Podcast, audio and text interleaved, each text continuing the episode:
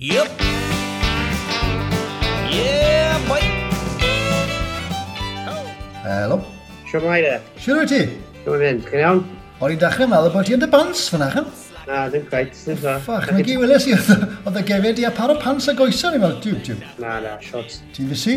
Ie, eitha bys i nawr, actually, ie, ni bod ffilmo cwpl o raglenni teledu. Le ti'n byw? Fi'n byw yn Bethesda nawr, Gwynedd. Oce, bach o wahanol sigar i Bethesda, dwi'n Tipyn bach, ond ie, mae'n gwrdd, mae'n rhywun, dwi'n bod, mae'n sepyn mlynedd. O, da iawn. Mae rai yn gweithio ffwrdd, a rai mewn milltir sgwar. Mae rai sydd angen peiriant, a mynd a'i fy gitar. Enw'r um, podlediad Gymraeg yma yw Cymeriadau Cymru, iawn? Bydde ti'n gweld offens, sy ti'n cael dy alw'n gymeriad? Na, dim yn offendo fi.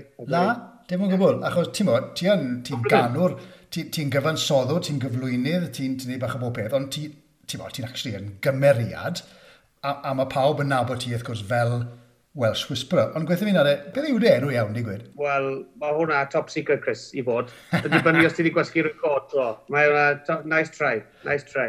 o, o, oce.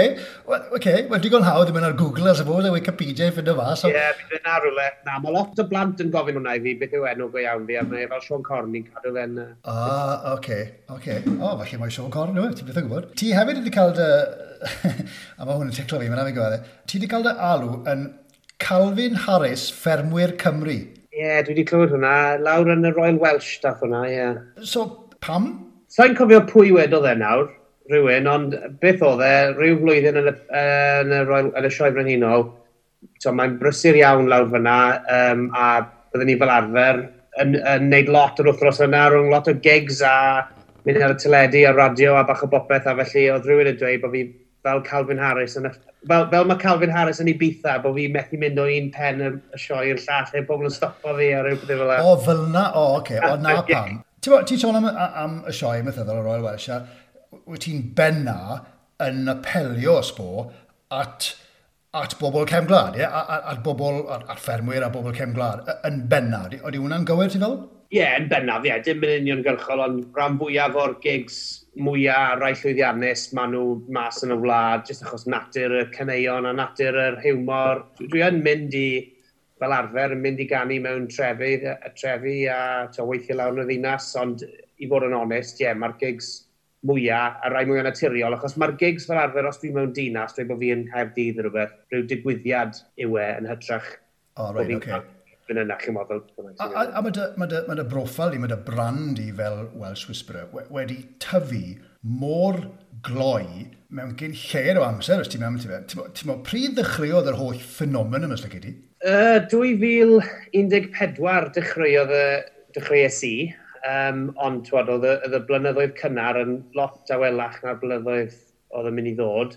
Right. Uh, dechreuais i just potian, um, o'n i'n dechreuodd y cyfan dwi'n y gwir. Oedd llun ar Facebook, oedd barf mawr dy fi cyn y mwstash ac o'n i'n gwisgo cap stabal ac o'n i fel hyn yn just pwyso ar yet. Just, dim, dim trio reid yn byd, just edrych bach fel hen ddyn.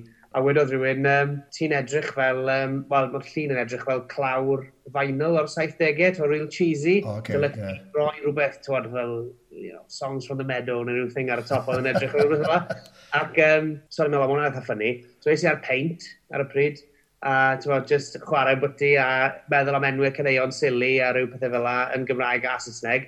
A wedyn, wedodd rhywun, ond mae'n rhaid ti eisiau neud hwn rhaid ti trio wneud y cyneuon stupid ma. Right. A wedi, o, oh, oce, okay, um, rhaid wneud trio, dim ond cwbl o gordiau dwi'n chwarae, ond nes i, a wedyn mae'r peth wedi tyfu a yn rhyfedd iawn, o pobl wedi tro gofyn i fi actually mynd i lefydd i performio a tyfodd y peth o'n i ddim yn gwybod bod fi'n gallu neud e.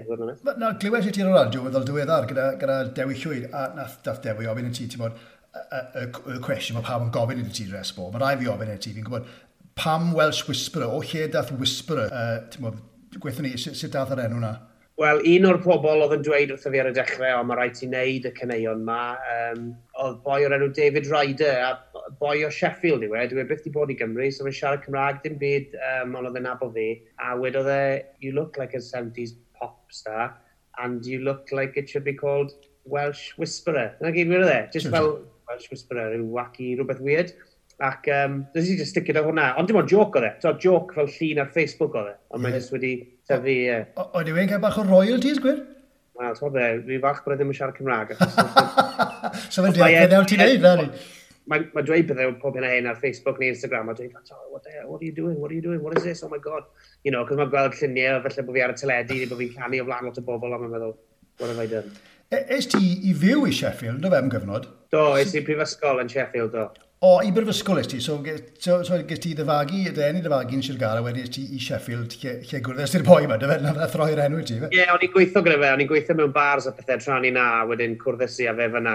Um, a dechreuais i potsiad ar um, performio fyna, dim fel Welsh Whisperer, ond oedd fi a cwbl o mates yn canu caneuon, acoustic, bach yn silly, Right. Uh, Cyneuon comedy, bod um, yeah. Ron Pubs, Sheffield, a wedyn, so fyna dechreuodd efo. A ti'n amlwg yn gerddol, fi'n gweld un, dau, fi'n gweld tri gitar tu ôl ti fyna. Ie, yeah, so, mae ma hwnna i gyd wedi dod bach yn hwyrach. Um, dechreuais i chwarae gitar, just potian, to, so beth i cael gwersi nid yn byd, ond just potian, pan i ti 15-16. Um, oedd un o ffrindiau fi'n ysgol yn gallu chwarae cwbl o gordiau, just dangos i fi, a wedyn, mae di mynd o fyna, achos dwi, dwi dal ddim y cerddor gorau yn y byd, ond bod fi'n dod lan ar syniadau yma, syml, yeah. okay. a wedyn cydweithio gyda pobl sy'n sy neud nhw swnio lot well. right. so, a, a ti'n sôn, ti'n moyn, sôn gynharach, mae y gerddoriaeth i yn benna, fi'n siŵr bod ti'n cael ymateb da mewn dinasoedd yn amlwg, ond yn apelio yn benna ar bobl cefn gwlad. Wyt ti'n meddwl bod na, bod na brynder felly o gerddoriaeth wedi bod sy'n yn apelio at bobl cefn gwlad. E Efe dyna pam ti wedi dod mor boblogaidd, mor gyflym gyda y, y fath yna o gymuned, slyc i ti? Ie, yeah, falle, achos tro, 33 ydw i nawr, felly sa'i mor hen a ni. ond Wrth edrych nôl i'r hen nosweithiau llawen a pethau pan oedd noson lawen mas yn y wlad mewn sheds ac yn y blaen, so, oedden nhw'n edrych yn gret ac oedd lot mwy o canu gwlad o gwmpas a hefyd so, canu gwerin, eitemau bach doniol, sketches, pethau fel hynna. Oedd lot o hwnna gwmpas i weld ar y pryd yn y pryd bynnag oedd hynna, sort of 80au yeah. on, a'r 90au. Ond ie, yeah, felly bod, felly bod hwnna'n iawn, felly bod hwnna ddim llawer o gerddoriaeth fel hyn, achos mae canu gwlad, ni'n meddwl am pobl fel John ac Allen, Dylan Neil a uh, Iona Gandhi, pobl fel la. So mae nhw'n canu gwlad eitha straight. Traddodiadol, yn nhw, ie. Traddodiadol, ie, neu iawn, yn galw fe. Ond mae'r canu gwlad yma mwy fel, um, mae yna lot o styles cerddoriaeth gwyddelig yn y cerddoriaeth hefyd. So mae'r oh. mae fath o gerddoriaeth dwi'n creu nawr, os byddwch chi'n mynd i Iwerddon, byddwch chi'n gweld sawl artist, dim, dim yn union rhyw fath o fi, no. ond pobl tebyg canu cyneuon am trucks a diggers a JCBs a pethau fel hynna, a maen nhw'n boblogaidd iawn draw fyna, achos maen nhw'n berthnasol i'r bobl sy'n byw mas yn y wlad. Yeah. Ydy canu am bethau fel trucks a, a diggers a, a, a dom neu beth yn dod yn naturiol i ti? Hynny yw, efe, efe bachgen ffarm wyt ti yn reiddiol? Ba, dim bachgen ffarm, ond yn dod o ardal amaethyddol, gwledig, chymod, wedi tyfu lan gyda ffermwyr a wedi mynd i ffermydd helpu ar y gwair a pethau fel plentyn. Felly, mae'n dod yn naturiol ydy a cerddoriaeth fel la dwi'n lico hefyd, a dwi'n gwybod bod e'n berthnasol i bobl so, mas yn y gwlad, achos dyna beth maen nhw'n neud. Mae lot o'n nhw'n gweithio ar tractors a diggers yeah. a 3CPs. a beth bynnag. Beth yw dy ddylanwadau cerddorol un ddacus? Hynny yw, ti'n nes ti'n tyfu lan yn, yn gwrando ar, ar country yn westerns, bod o fe? Chi'n be, un o'r pobl cyntaf sydd ar ganfod oedd yn canu, yn enwedig yn Gymraeg, oedd Tecwyn Ifan. Okay. A reswm pam, achos oedd Tecwyn Ifan yn pregethu yn y capel yn Cwmweli Mynach, lle o'n i'n byw, y pentre bach yma. Do'n i ddim yn gwybod bod Tecwyn Ifan yn enwog ar y pryd, achos o'n i'n clywed yn canu yn y capel ni'n y festri neu lle bynnag, ac o'n i'n gweld y cassettes o gwmpas, oedd cassettes Tecwyn Ifan Dani o gwmpas yn y tŷ, ond o'n i'n meddwl just rhyw local uh, twod, canwr bach lleol o dde, ond dyfu lan a edrych nôl a sylweddoli hwyrach ymlaen So mae'r ma, boi ma, yn enwedig yn y 70au beth, oedd e'n enwog. Yn y Gymraeg, ie. Beth am, beth am Americanaidd hynny, os na ddylanwadau um, country and western Americanaidd yn y ti? Ie, yeah, dwi'n licio um, cerddoriaeth bluegrass, o dwi'n licio pobl fel um, Ricky Skaggs, Dwi hefyd yn licio Alan Jackson, pobl canu gwlad mwy, mwy straight fel hynna. Ond on, dwi'n licio stwff gwyddeleg hefyd. Mae lot o artistiau fel Richie Cavanagh, Seamus Moore, a mae nhw'n, mae gen nhw stael gwahanol. Mae'n ganu gwlad, ond gyda sŵn mwy celtaidd. A mae hwnna'n okay. gweithio neis, fi dwi'n licio hwnna. Fi'n meddwl neu beth sy'n gwneud ti bach yn wahanol falle, wyt ti bach, ti, ti chwa awr iach yn ti'n breth o ffres e. So, gai, gai, gai gynnig then yn hynny o beth, a para cael mewn o ffordd bod ti really ddim yn cymeryd y peth gymaint yna o ddifri. A falle dyna beth sy'n neud ti'n boblogaidd falle, fe? bod ti'n chwa awyr iach, bod ti'n bach o laff, a bod hwnna yn, yn, yn codi calonau pobl ac yn gwneud i bobl deimlo, ti'n meddwl, falle, falle bobl sydd wedi cael ei anwybyddu falle am, am ryw reswm neu gilydd, a bod ti'n dod along a ti'n ti gael bach o laff, a ti ddim yn cymryd rili really y cymryd beth o ddifri. Oeddi hwnna'n gywir? Ti'n meddwl neud rwy'n cam ddweud? Ie, yeah, mae bendant dwi yn gwneud siŵr bod fi ddim yn cymryd peth o ddifri gormod. Dwi'n cymryd i digon o ddifri i wneud y job a wneud e'n iawn, ond ie, yeah, yn bendant, dwi ddim yn um, poeni gormod os oes rhywun ddim yn licio fe, neu gwybod pan mae pobl yn hoffi fe, mae'n gret, ond os ddim, dyna fe. Un peth sylwes i, yn enwedig gyda'r byd adloniant Cymraeg, pan nes i ddechrau edrych ar y peth a mynd i nosweithiau a gweld pobl, o'n i'n sylweddoli bod, bod e falle prinder hwyl weithiau, sydd ddim yn dda iawn mewn noson o adloniant, dyfe? Yeah, Oedden nhw bach yn straight a bach yn boring, uh, to, dim yn fancy neb oedd yn performio, ond just fel, dim really yr acts oedd yn chwarae, ond to, rhwng yr acts oedd yn byd yn mynd ymlaen. Cyn yr acts oedd just tywelwch oedd y golau gyd ymlaen, ond just, oh, just bach yn... So, un o'r pethau cyntaf nes i dweud, so, pan o'n i'n mynd i wneud yn rhaid, dwi'n dwi mynd i just eich o leia, dwi'n mynd i chwarae cerddoriaeth trwy'r noson yn y cefndir, cyn bod fi'n mynd ymlaen wedyn pan dwi'n mlaen, so ond neu wedi cael golau mewn a byddai na, a wedyn ond unwaith dwi wedi gorffen neu os oes hanner amser neu beth bynnag, bang, cadw'r vibe, cadw'r right. adwodiad oh, okay. fynd. A o'n i'n sylwi straight away, oedd pobl yn mwynhau'r noson, just ti yn mwynhau pan dwi ddim yn awkward y ti, ti jyst yn sylweddoli, o oh, ie, yeah, pobl yn cael cwbl mwy o beint neu beth bynnag a okay. oedd y nosweithiau mynd lot well. Felly oedd peidio cael seibiau a stopo, oedd y noson yn mynd yn well fi ni, achos oedd beth ti'n gweud y bobl yn gallu ymlacio mwy, yn hytrach yna jyst stopo, yn mynd, reit, beth i'n nesaf, twyd. So byddai dal yn cael brec ond neud siŵr bod yna rhywbeth dal yna i'r pobl sy'n hongi'n yeah. gwmpas, just rhywbeth adloniant yn dechrau a wedyn mae'n gorffen reit ar ddiwedd y noson, does a ddim tawelwch neu not panic off o dre. Ond, um, yeah, dwi wedi ffindio hwnna, mae wedi gweithio ar y dda. Dim sôn am ffwrn a fflu, na chwaith ac effil di, na'r lumberjacks yn ringo at y nen. Dim rosets o unrhyw liw, rwy'n gobeithio nawr i ddiw. Daw cyfle to am holiday cyn i mi golli'n hen. O'n i'n sôn am bod ti ddim yn cymryd y peth o ddifri y bydau, neu, neu hynny yw, digon o ddifri, ond dim cymryd o ddifri. A, a dyna beth sy'n neud ti falle yn boblogaidd. Wyt ti wedi cael rhywfaint o, o beth yw'r gair, negativity, I suppose, am dy fath di o berfformiad, am dy fath di o gerddoriaeth. Os yna rhyw fath o, o snybyddrwydd, os dyna'r gair, ti a gat y fath o act sydd gyda ti? Dwi'n meddwl hwn yn aml. Dwi wedi bod yn lwcus. Dyma'r chweched blwyddyn dwi wedi bod yn neud e, a sa wedi cael lot o, o, o, o jip neu sort of abuse ydy fi. Dwi wedi cael to, am, ambell un yn dweud bod nhw ddim yn licio beth bynnag, ond, you know, that's fine, mwynhau'n oh, iawn. Yeah, yeah. Ond to, dwi ddim wedi cael, o'n i'n meddwl, so, pan ti'n rhoi dy hun mas na, ar bob cyfryngau cymdeithasol, ar y teledu, ar y radio, so, ti'n agor y drws i rhywun, really, dod ato ti a um, a dweud rhywbeth cas yn y Cymraeg, ond sa'i wedi cael lot, ond snybyddrwydd felly, achos beth sy'n eitha doniol yw, mae'r fath o gerddoriaeth yn amlwg yn boblogaidd nid ymysg pawb o bell ffordd, ond mae yna so, carfan eitha cryf o bobl sy'n licor music yma, mae dilyniant eitha da gyda fi, dwi'n meddwl. Ond felly ydy hwnna'n cael ei adlewyrchu gyda'r cefnogaeth a'r gorsafoedd radio a pethau. Weithiau, dwi, dwi, dwi, dwi, dwi wedi bod yn lwcus, dwi'n cael sylw weithiau, weithiau dwi'n meddwl, dwi'n lwcus bod fi'n neud hwn yng Nghymru a bod yeah. fi'n neud hwn yn Gymraeg, achos dwi'n cael tipyn o sylw fel la ti beth yn mynd i blaso pawb wyt ti, come on, let's fit. Ti beth Na, ie, yeah, dwi'n gwybod, ond weithiau dwi'n meddwl mae ma pobl eisiau chwarae cerddoriaeth neu, neu roi sylw i pethau maen nhw eisiau fod yn poblogaeth heb, a maen nhw'n anwybyddu'r peth sy'n actually denu punters week in, week out, ti'n cyn Covid, wrth gwrs. Oh, yeah, Cos yeah. um, dwi, dwi wastad yn mynd, tod, dwi ddim, sa'n poeni hyn o faint amdano fe, ond dwi wastad wedi dweud, os oes pobl yn prynu tocynnau, a tra bod pobl yn dod i'r nosweithiau, mae wastad rhain os weithiau well ag eraill, ond ar y cyfan, tra bod y punters yn dod i watcha fi ac yn prynu nwyddau, yeah. pethau fel yna, yeah. a cario ymlaen. Ond mae hwnna'n sôn, wel, na cymryd hyn. Ie, yeah, mae'n rhaid ti wneud y gorau ohono fe tra bod fe'n al, fel, fel, fel pawb arall yn, yn y diwydiant mas. Mae'n y gyneuon di gyda, gyda teitlau cofiadwy dros ben, yn ôl, ti'n bod, Colin Bailo a bydd y carws slac yn dyn a, a, a loris mans. Mae'n lot o bethau Mansell Davies yn y reswm dy ti. Beth bydd yr un diweddar, Mansell Davies man, yma? O, hwnna yw, ie, uh, yeah, dyna beth o'n nickname fi achos y gan, Loris Mansell Davies, ie. Yeah. Oh, right. um, so, ie, yeah, oedd y gan yna, hwnna oedd y, hwnna oedd y gan so, sbardinodd pethau i fi.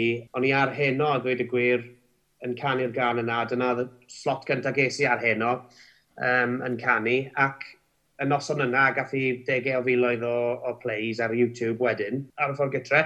Ac um, yn rhyfedd iawn, oedd, oedd, oedd cwmni Teropolis, sy'n gwneud heno, wrth gwrs, oedd nhw yn creu raglen wedyn am Loris Mansell Davis, raglen dogfen. O, do, do. A gofynna nhw i fi, o, oh, ti'n meddwl bydd y gan yn addas? So, so, Wel, ie, yeah, dim can arall i gael. I gael, am Loris Mansell Davis, na. na. Ac yn lwcus iawn, so, rhwng y can yn mynd ar heno, a'r CD oedd yn cynnwys y gan yn dod mas, a'r raglen yna yn dod mas, wel oedd pawb yn y wlad, oeddech chi methu osgoi'r gan, oedd hi'n... Uh, oedd yr amseru yn berffaith ac wedyn oedd y ffôn yn canu flat out. A, a ti'n meddwl, mae'r ma, ma teitlau yna, fel ti'n gweud, yn apelio at fobl cefnwlad, ffermwyr sy'n gwybod beth ti'n siarad am ac yn gallu unieithu yn ôl falle. Er wedi gweud ni, mae pawb yn gallu unieithu gyda dilyn Lori Mansell Davis weithiau. Dwi'n meddwl mae hwnna, dyna pam mae'r gan yn llwyddiannus achos hwnna, ie. Ie, ie. Ond bydde ti'n meddwl, bydde ti'n meddwl, bydde ti'n sgrifennu cyneuon bach mwy beth yw'r gair? difrifol, os bo, mwy serious, wyt, wyt os, os gyda ti awydd i wneud pethau um, mas o'r, or, or uh, thema na bethau yn y dyfodol agos? Mwy commercial falle? Ie, yeah, yr unig beth byddwn ni'n ystyried twyd, yn mwy o ddifri yw dwi'n angerddol dros yr iaith Gymraeg a dros dyfodol Cymru a pethau fel hynna. Um, bydde hwnna'n rhywbeth byddwn ni'n ni gallu, dwi'n siŵr, os ydyn ni'n ystod lawr a sgrifennu rhywbeth am pethau fel yna, ond um, dwi, dwi beth yn mynd i cyfansoddi caneuon emosiynol a disgwyl i bobl Cymru o ddifri achos... No, all right, okay. Wel, erbyn hyn, mae, gyda pob parch, mae bach yn hwyr, na really. Ti'n ffili, really, ti ffili really canu, ti'n meddwl, boy meets girl, fall in love, ti'n meddwl, fel, fel yr, ti'n meddwl, y pethau canu gwlad uh, Willie Nelson yn fath na beth, traddodiadol. A, a, a, hefyd, mae enw, tyma, enw reputation gyda fi nawr o troi lan, a mae'n osweithio'n hwyl. Ie, yeah, so mae bach yn hwyr mewn ffordd. Ond ti'n beth yn gwybod, ti'n meddwl, fel ti'n mynd yn un, mewn brynyddau, chi ti reinventio'r un anna fe, ti'n meddwl, Cymraeg da, reinventio'r un anna. Um, Gwyddwyn, ti wedi bod yn gwneud uh, gwaith radio fyd, yn dweud yn y dyfodol, uh, sorry, yn y gorffennol, lan yn Ynys Môn, yfe, neu? Ie, yeah, dechreuais i, pan symudus i lan fan hyn i Bethesda, oedd um, radio cymunedol o'r enw Môn FM newydd ddechrau, ac dechreuais i raglen Drive Time gyda nhw, so bod yna raglen yn fyw rhwng 5 a 7. Oedd gen nhw, oedd nhw'n darlledu ar FM dros Ynys Môn a oedd yn cyrraedd chydig bach o um, arfordir Gogledd Cymru. So nes i hwnna am sawl blwyddyn, ac oedd e'n gret, oedd dysgis i'r grefft o um, cymysgu cyneuon a siarad ar yr un pryd a chymod cyflwyno ar y radio, ac o fyna wedyn daff um, cyfresu ar Radio Cymru, felly um, o'n i'n falch iawn o'r cyfle. Ti'n cod radio, achos fi, mae sioe radio dy fi ar sain Abertawe fi wrth ymwneud yn, yn chwarae gerddoriaeth a canu a, a delio gyda bobl yn fyw a bethau. Ti'n ti, ti, ti record wneud math o beth? Ie, yeah, bendant. Nes i fwynhau e straight away a wedyn o'n i'n o'n i'n falch iawn o allu wneud hwnna am sawl blwyddyn, a wedyn pan dath yr alwad i wneud cyfres o Radio Cymru, dwi wedi wneud um, tua pimp cyfres nawr ar, ar, ar wahân ar uh, nosweithiau Gwener ar Radio Cymru. Wel, dechreuodd e ar Radio Cymru mwy cyn, oh, o hwnna, right. cyn Radio Cymru 2, a wedyn nawr fe ar Radio Cymru bob hyn a hyn, tua unwaith y flwyddyn ni'n neud cyfres bach. Ac ie, mae'n greu, a ti'n gallu dod a egni'r sioe byw i'r radio, achos do'n i ddim yn chwarae, um, do'n i ddim yn eisiau swnio fel rhywun oedd yn dallan y newyddion, so do'n i wastad yn chwarae beds y cerddoriaeth cefndirol addas i'r stael y Welsh Whisperer, right. a wedyn cadw'r tempo, byth siarad am rhy hir, bang, bang, bang, a wedyn oedd yr awr yn mynd yn gloi, a fi'n meddwl oedd pobl yn mwynhau hwnna, tra oedden nhw'n gyrru gytre, yn lle bod nhw'n gorau gwrando ar newyddion a pethau drosodd a drosodd am... A, a, a tywydd, y bledi tywydd, dwi'n eisiau clywed y bledi tywydd bob awr, ydyn ni? Er, union, er, yn tywydd. Wyt ti, yn, wyt ti'n switcho bant o fod yn Welsh Whisperer? Wyt ti wastad yn Welsh Whisperer? Oes, oes na gymeriad, oes na bwtwm ti'n gwasgu adre a bod y rhaid yn neud y bartner y bynnag yn, yn, yn, yn gweld ti fel Wel, nid i'n gweud enw di, ond gwel, newn ni alw ti'n Welsh. Wyt ti'n yeah. ti Welsh adre ac yn Welsh whisper ar y llwyfan, neu rhywun o'r ddau yn plethu mewn i gilydd? Ydych chi'n gofyn i Mrs Whisperer, byddai'n rhoi ateb gwahanol siwr.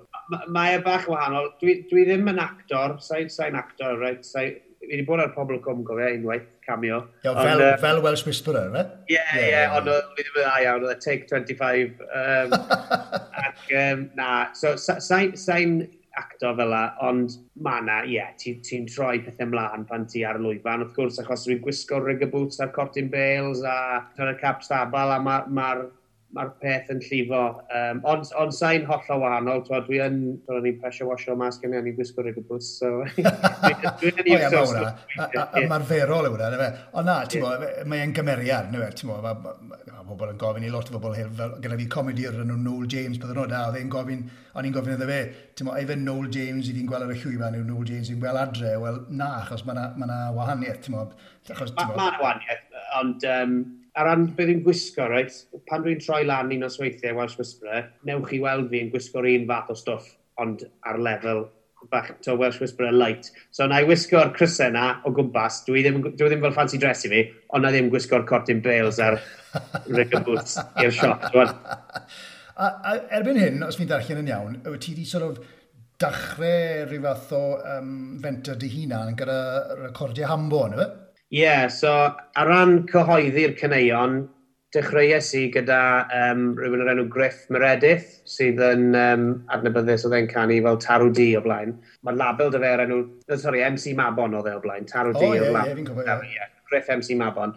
Cysylltodd Griff dy fi, welodd e YouTube, uh, fideo ar YouTube nôl 2014, o fi yn potion y gwmpas, a wedi dde, twod, ti eisiau datblygu hwn, os da ti rhyw syniadau, bydde ti'n licio recordo cyneuon ma go iawn. So mae ma, ma da fi lot o ddiolch iddo fe, chwarae teg, am roi ciclan dyn a so helpu fi mas. So, trwy'n roeddwn i ryddhau un album gyda fe, ond argraffu 50 CD, chymod, a meddwl, oh, bydd hwnna'n hen, ddigon, bydd neb yn prynu rhain. Um, ond nathon ni cwbl o ganoedd o reina, a meddwl, waw, Ond wedyn dath fflach mewn, um, oedd Richard o fflach wedi ffono fi lan a gofyn, um, a gyda caniatad Griff i gydweithio, uh, os byddai diddordeb da fi wneud CD. A mae fi ddiolch i Marky G o Radio Cymru fyd, achos fi'n credu bod Rich wedi ffono lan Marky G rhyw noson a dweud, gynda, ni chwilio am rhywun, rhyw artist newydd i wneud CD, ni eisiau prosiect newydd, os da ti rhyw tor heads up pwy sy'n cael lot o geisiadau ar y radio neu pwy sy'n poblogaidd fath o beth, sy'n oh, good idea, Rich. Yeah, Ac um, lwcus i fi, wedodd Mackie G, ti'n be, wedodd ti pwy sy'n cael lot o geisiadau nawr yw'r bachan Welsh Crisper yma.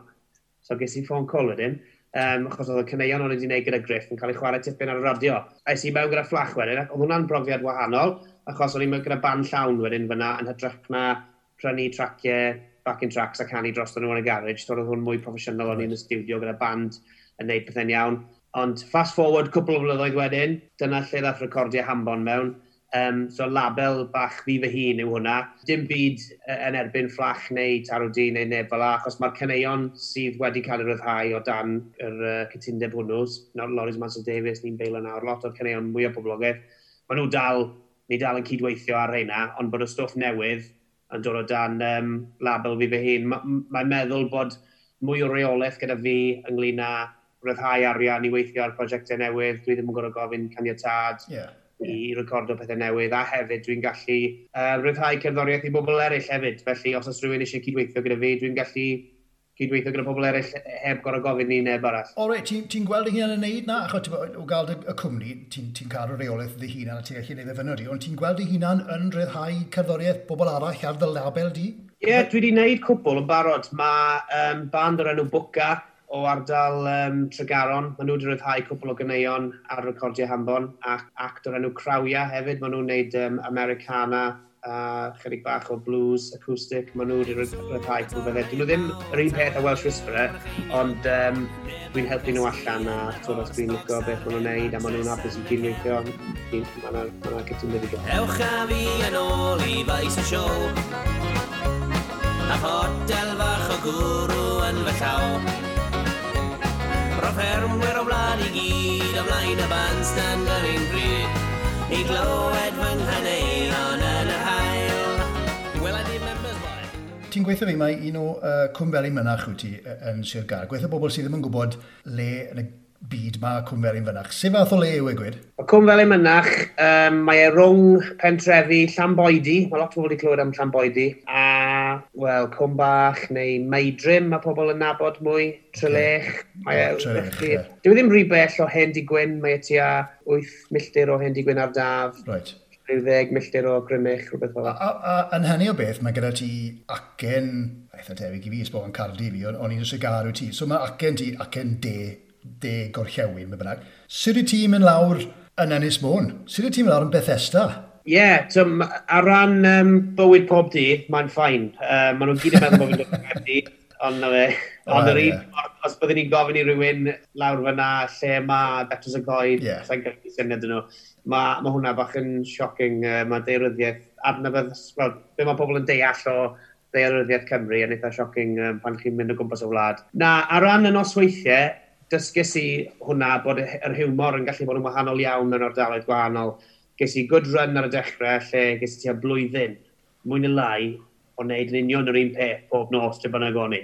A o'n i'n o'n i ddim yn gwybod rili really be o'n i'n neud, o'n i ddim yn sylweddoli bod ti'n gorau newid y ffordd ti'n right rac act yn bach. Ti'n yeah. ni yn y lai, just winging it pob nos. Yeah. Ac ath i'n gret am tua blwyddyn. A wedyn, ges i cwbl o bookings mewn llefydd llai gwledig, llefydd fel Bethesda, Carnarfon, Llangefni, Um, ac o'n i'n mynd i'r llefydd, ac oedd yn ysweithiau mynd yn oce, okay, ond o'n i'n sylweddoli dyw'r hiwmor ddim cweith mor oedd e bach mwy, um, sut allai ddweud, pan o'n i jyst yn chwarae'n ddwl mewn rai llefydd, oedd pobl jyst yn chwerthin, be bynnag o'n i'n neud, right. ond mewn rai llefydd, oedd eisiau cynnwys mwy... Um, oh, okay. Yeah, yeah, bach, bach, bach mwy swmpus, bach mwy safonol, falle. Ie, yeah, yeah, bach mwy eyebrow, falle. Yeah. A hefyd, hiwmor, hiwmor mwy brwnt hefyd. Oedden nhw, oedden nhw eisiau, so nes i noson gyda Tudor Owen a um, Hywel Pitt. So mae ma caneuon Hywel yn oh. sort X-rated. O'r.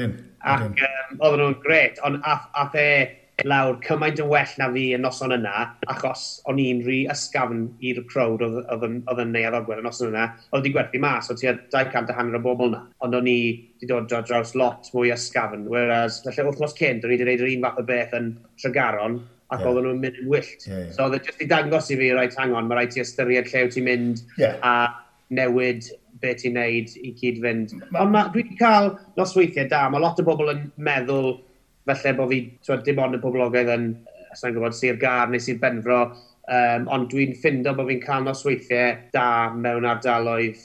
As long as bod nhw'n ardaloedd gwledig, yeah. mae yna ma, good chance mae'n mynd yeah. i fynd yn dda. So mae yw pobl pen llun ddim hyn a wahanol i bobl Sir Benfro neu Ceredigion neu Dyffryn Clwyd yn y ffaith, to, ma nhw, ma nhw, os maen nhw'n mynd i, os ti'n mewn shed neu rhywbeth, neu ma ci mawr yn cefn gwlad, yeah chance bod e'n mynd i fod yn, yn iawn. Ond sa ti'n ti cael gig yn y chapter yn gyrru, sef yn wahanol, sef? Ie, yeah, yeah, bendant. So, fi wedi gwneud gigs fel ar blaen mewn theatre a pethau, a mae e'n mae e'n dipyn anoddach i fi, rhaid i gyfaddau. Ond mae hwnna'n dod â profiad, newid. Profiad yw hwnna i gwybod sut i addasu dy acti a dy dyfodiaeth di a dy iaith yeah. a dy hiwmor di, dibynnu llew i ti, newid. Ydy, ond dwi, dwi, dwi lot fwy cartrefol yn y comfort zone mewn, mewn yeah. ffordd mas yeah. yn y wlad. Mewn tafarnau neu clybiau neu social clubs, maen nhw'n gallu bod yn tough mewn ffyrdd gwahanol, ond mae well da fi pethau fel lai, fod yn onest. Yeah. Um, yeah. Wel, Clef, ni yn yr, yn yr cyfnod um, rhyfedd anodd iawn dyn ni ar hyn o bryd gyda'r uh, Covid. Mae bethau. Uh, sut yw ti fel perfformiwr wedi ymdopi ar cyfnod yma. Mae wedi bod anodd iawn i'r byd cerddor, cerddoriaeth yn sicr, no? Ie, yeah, bendant. Um, pan ddechreuodd y cyfan, wel, dros y blynyddoedd diwetha, mae'r gigs wedi bod yn bonkers. Wedi bod yn neud rhwng 45 a 65 o gigs y flwyddyn dros y dwy tair mlynedd diwetha, so tipyn. Ond, ie, yeah, o fewn ti a wythnos pethefnos, diflannodd yeah, popeth yeah. dros yr haf. Chymod, uh, O'n i'n clywed y ffôn yn canu, o'n i'n disgwyl i rai pethau diflannu, ond um, ie, wel, diflannodd popeth. Mae pawb yn yr un, yr un sefyllfa. Oh, yeah, yeah. yeah. Ond oedd hwnna yn eitha pryderus ar y dechrau, um, just meddwl, god, you know, beth sy'n mynd i ddigwydd dros yr haf yma. Ond naif iawn nawr oedd edrych nôl, oedd lot o bobl tebyg yn meddwl, o, as long as to, bod y Royal Welsh dal ymlaen a bod yr steddfod dal ymlaen, bydd yeah, yeah. nos brysur o waith, achos mae lot o bobl yn y byd technegol, reolwyr llwyfan, yeah. pobl fel na, ie, yeah, diflannodd y cyfan. Felly, ar ran perfformio, mae gyd i mynd, oce, okay, mae yna rhyw bits and bobs wedi dod mewn, rhyw pethau, perfformiadau ar Zoom. Neu, Yo, o'n i'n mynd i wedi, ti wedi cael cyfle i, i, i, um, i berfformio ar, ar-lein y bethau, ti'n modd, uh, wyt ti'n gallu rhoi pethau ar YouTube a wneud pethau trwy Zoom a, a jyst i gadw'r brand i fynd y bethau? Ie, yeah, dwi wedi gwneud cwbl um, o berfformiadau ar Zoom, uh, dim Zoom, wel Facebook, Facebook Live oedd e. Right. Um, ond hefyd be o'n i'n neud, nes i, fe, nes i tua pimp ohonyn nhw, oedd DJ sets ar Facebook Live. So, o'n i'n gosod y goliadau fyny yn y stafell fan hyn nawr, ac yn edrych lot mwy ffansi na beth yw e nawr, a desg da fi lle o'n i ar Facebook Live a cymryd ceisiadau a just roi shout-outs i bobl ar Facebook Live. So oedd yna, am yn gret, so dweud bod fi'n neud e am cwbl o oriau, um, ac oedd pobl yn gallu rhoi tips hefyd trwy PayPal. So oedd hwnna'n help, chwan oedd pobl yn tipio os oedd nhw'n mwynhau a cael shout-outs a gofyn am y cynnig. Wel, na le mae'r Calvin Harris yn y miwn yna fe? Oedden, ie, yes, fi'n gallu dweud e. Ond o'n i'n chwarae music o Anley Calvin Harris, o'n i'n chwarae fel uh, cyneuon, wel, Cymraeg a Saesneg, ond stwff uh, canu gwlad, gwreinol i gyd.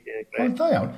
Felly, yn hynny o beth, ti'n modd, ar ôl i'r busnes afiach mae orffen, a bethau, yn ni nôl i ryw fath o normal, beth yw'r dyfodol i Mr Whisperer? He, Hen, le, le bydde ti'n lyco gweld un am den? Cwestiwn da, achos mae pawb yn disgwyl nawr yn y tymor uh, byr, just bod blwyddyn yma, bach o right Ond, beth, beth sy'n bach yn bryderus yw, twod, beth os dyn nhw ddim nôl haf nesa neu haf wedyn a ti, mae pobl mewn trafferth wedyn, dyn nhw. Yeah. Mae pobl yn gallu reidio am chydig bach amser yeah. off be maen nhw wedi gwneud yn y gorffennol neu beth bynnag. Ond, un beth dwi wedi bod yn lwcus iawn gyda yw um, gwaith teledu. Dwi wedi, dwi wedi bod yn ffilmio, wel dwi wrthi reit nawr yn ffilmio cyfres teledu Welsh Whisperer am y tro cyntaf. Oh. So mae raglen um, nos Sadwrn gyda ni ar S4C. Um, dwi ddim yn mynd i ddod allan tan uh, tachwedd uh, neu raglen. A, a pa fath o raglen yw e? Hynny yw adloniant? Ie, neu... yeah, raglen adloniant lle byddai yn mynd i chwech pentre neu ardal gwahanol yng Nghymru, um, cyfarfod cymeriadau, siarad i gwahanol bobl ac a hwyl ar, ar hyd y ffordd oh. um, a canu lot o ganeuon yn y llefydd yma, a mae dan ni llwyfan ar gefn trailer i Ford Williams. Oh, yeah. So ni'n rhoi hwnna lawr am ar bales a'r goliadau ac ar y diwedd ni'n performio, wel dwi'n performio can a ni'n gwahodd un act lleol o'r ardal i performio gyda fi ar ddiwedd y raglen. O, na, mae'n syniad da. Felly ti, ti yng nghanol hwnna nawr, wyt? Beth yw enw'r gyfres? Welsh Whisperer, oh, ni'n teithio nawr, ie. Dyna beth yw enw'r raglen. Ni'n teithio nawr, ie. Yeah. Ie, dwi yng nghanol nawr. Ni wedi ffilmio peder a mae, ie, dwy ar ôl. Ond ni'n mynd i sawl ardal. Sarn Mellteirn, Llanboedi, Pont y Berem, Pentre Foelas a hmm. Llangeitho wrth ymwyl Tregaron. Ie, yeah, fi'n efo Llangeitho, jiw, jiw. Uh, so, uh, ar ôl i hwnna orffen, le mae bobl yn gallu wel, ti'n mwyn gwybod o, beth sy'n ei ddigwydd ti ar gyfer blwyddyn, blwyddyn nesaf o ran gigs a bethau, ond yn y cyfamser, sut mae bobl sy'n rheol wedi clywed y gerddoriaeth ti neu wedi gweld ti'n performio, ti, mae gyda ti safle we, ti ar y cyfryngau cymdeithasol o fath yma beth? Ydw, dwi ar popeth o, o dan Welsh Whisperer, ond mae welshwhisperer.cymru hefyd, uh, dyna beth yw'r wefan, lle mae'n fel arfer rhestr hir o gigs ymddangosiadau dros y wlad, mae'n wag ar hyn o bryd. Yeah. Ond hefyd mae'r cyneuon ar um, iTunes a Spotify a heina i gyd. Right. A un peth arall digwyddodd i fi yn ystod lockdown, oedd yn eitha ryfedd, recordes i can Saesneg o'r enw The B-Road Bandit, right? ac uh, roes i honna mas, ac fel arfer, fel artistied Cymraeg, ni'n mesur llwyddiant cyneuon ni trwy, os maen nhw'n cael lot o geisiadau ar y radio, neu os maen nhw'n dda um, mewn nosweithiau byw. Ond am ryw reswm, maen nhw'n eistedd lawr yn bod rhyw nos nosadwn, a maen nhw'n, just checo yr iTunes chart tybed. Twyd, os mae yna, a mae'r peth yma, ar iTunes Country Chart. So, oh, ar, ar okay. iTunes, i edrych ar y chart, wedyn ti'n gallu mynd mewn i genres, country, pop, rock, beth bynnag. Right. So, country, like, scrollio lawr, scrollio lawr, no, na, Welsh Whisperer, Biro o'r Bandit, oedd rhyw 85 rhywbeth fel yna. O'n i'n meddwl, waw, ti'n bod yn dipyn o beth, i yeah. gyrraedd 5 hyd yn oed. Um, o'n i'n meddwl, o oh, na, whatever, you know, cario ymlaen. Checkers i nôl, dau ddwrnod wedyn, oedd i fyny i 45. O'n i'n meddwl, hang on. So dechrau post, screenshot o hwnna a postio gwmpas a dangos i bawb, hey, check, check it out. Drwch ar hwn, The B Road Bandit. Ac erbyn diwedd yr wythnos, oedd wedi cyrraedd rhif 2. Ysgol. Felly, ben, benon ni'r wythnos, nath ni'n cweith cyrraedd y top, ond just o dan um, Dixie Chicks a just uwch ben Dolly Parton, oedd Welsh Whisperer... Ei, ei, na ti le da i fod, rhwng Dolly Parton a Dixie Chicks, sy'n well, cwyno. Chi wir oedd e. Um, yeah, so oedd hwnna'n peth ryfedd, ond um, mae jyst yn dangos oedd ges i lot o gefnogaeth, pobl yn prynu'r track ar iTunes i hwnna, sydd ddim yn digwydd yn aml iawn erbyn hyn. Mae pobl yn gran, maen nhw'n ffrydio ond nhw yn edrych na prynu tracks. Yeah, ond, um, yeah. ond oedd e'n gret cael um, bod artist Cymraeg yn rhif 2, cos o Dafydd Iwan di cyrraedd rhif 1 yn y siarad. Do, do, yn y downloads chas, do, do, do, welys hwnna. A un peth sydd gyda ni mewn cysylltiad yn, um, oedd gyda i gan ar iTunes rhai blynedd yn ôl, nes i um, canu gyda Heather Jones ychan. Oedd e'r iTunes, ie, na fe, he, he, ble oedd yr hael, na fe. Ei, diolch o galon y ti. Um, gobeithio oedd popeth yn, yn, yn, yn mor dda allu ar gyfer gweddill y flwyddyn a'r blwyddyn nesaf uh, yn amlwg, uh, ti'n amlwg yn mynd i fynd o, o, o nerth i nerth y bydau. Dim nid yn unig yn Esbryrec, ond ar y radio, a gobeithio fe fi'n gweud y gigs ar gyfer blwyddyn nesaf. Felly, uh, diolch o galon ti um, Welsh Whisperer, na ddim gofyn enw di eto, un o gymeriadau Cymru. Diolch ti boi. Good thing. Mae eisiau dal i fynd a chadw slac yn dyn.